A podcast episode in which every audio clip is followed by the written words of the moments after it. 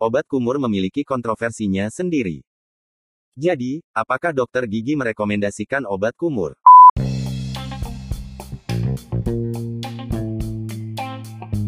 Bagi banyak orang, rutinitas sikat gigi harian mereka biasanya seperti ini. Sikat gigi dengan sikat dan pasta gigi berfluoride dan berkumur dengan obat kumur. Namun, obat kumur memiliki kontroversinya sendiri dan masih belum ditentukan secara pasti, apakah berkumur dengan obat kumur, adalah bagian penting dari rutinitas menggosok gigi. Jadi, apakah dokter gigi merekomendasikan obat kumur? Ternyata, itu tergantung pada beberapa faktor, seperti jenis obat kumur, untuk apa Anda menggunakan obat kumur, dan usia. Jenis obat kumur. Ada lima jenis obat kumur. Pertama, obat kumur desensisasi. Kedua, obat kumur anti plak. Ketiga, obat kumur antibakterial. Empat, obat kumur pemutih gigi, dan kelima, obat kumur berfluoride. Semua jenis obat kumur yang berbeda ini dirancang untuk mengatasi masalah gigi yang sangat spesifik.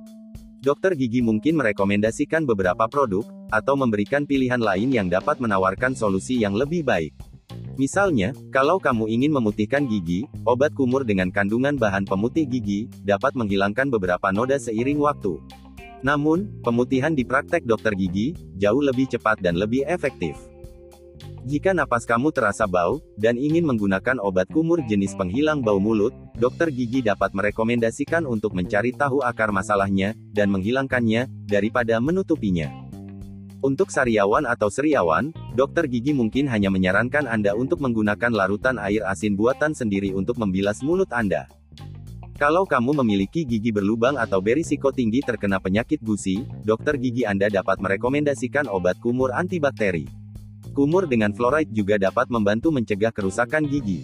Faktanya, dokter gigi sering menyarankan wanita hamil untuk menggunakan obat kumur anti plak atau antibakteri, karena penelitian menunjukkan bahwa itu mengurangi risiko mereka mengalami persalinan dini. Namun, harus selalu diingat bahwa obat kumur bukanlah pengganti perawatan gigi yang tepat. Meskipun obat kumur kosmetik dapat membuat napas terasa segar dan segar, namun tidak melawan bakteri di mulut yang menyebabkan bau mulut. Karena itu, mereka hanya menutupi baunya tanpa menghilangkan akar masalahnya. Akan selalu lebih baik untuk bertanya kepada dokter gigi, jenis obat kumur yang terbaik untuk kamu. Kapan sebaiknya menggunakan obat kumur? Tidak menggunakan obat kumur tidak akan merugikan kesehatan mulut Anda. Namun, ada beberapa alasan penting mengapa dokter gigi merekomendasikannya untuk kamu. Masalah tersebut di antaranya penyakit gusi, kerusakan gigi, periodontitis dari kehamilan, dan gigi berlubang.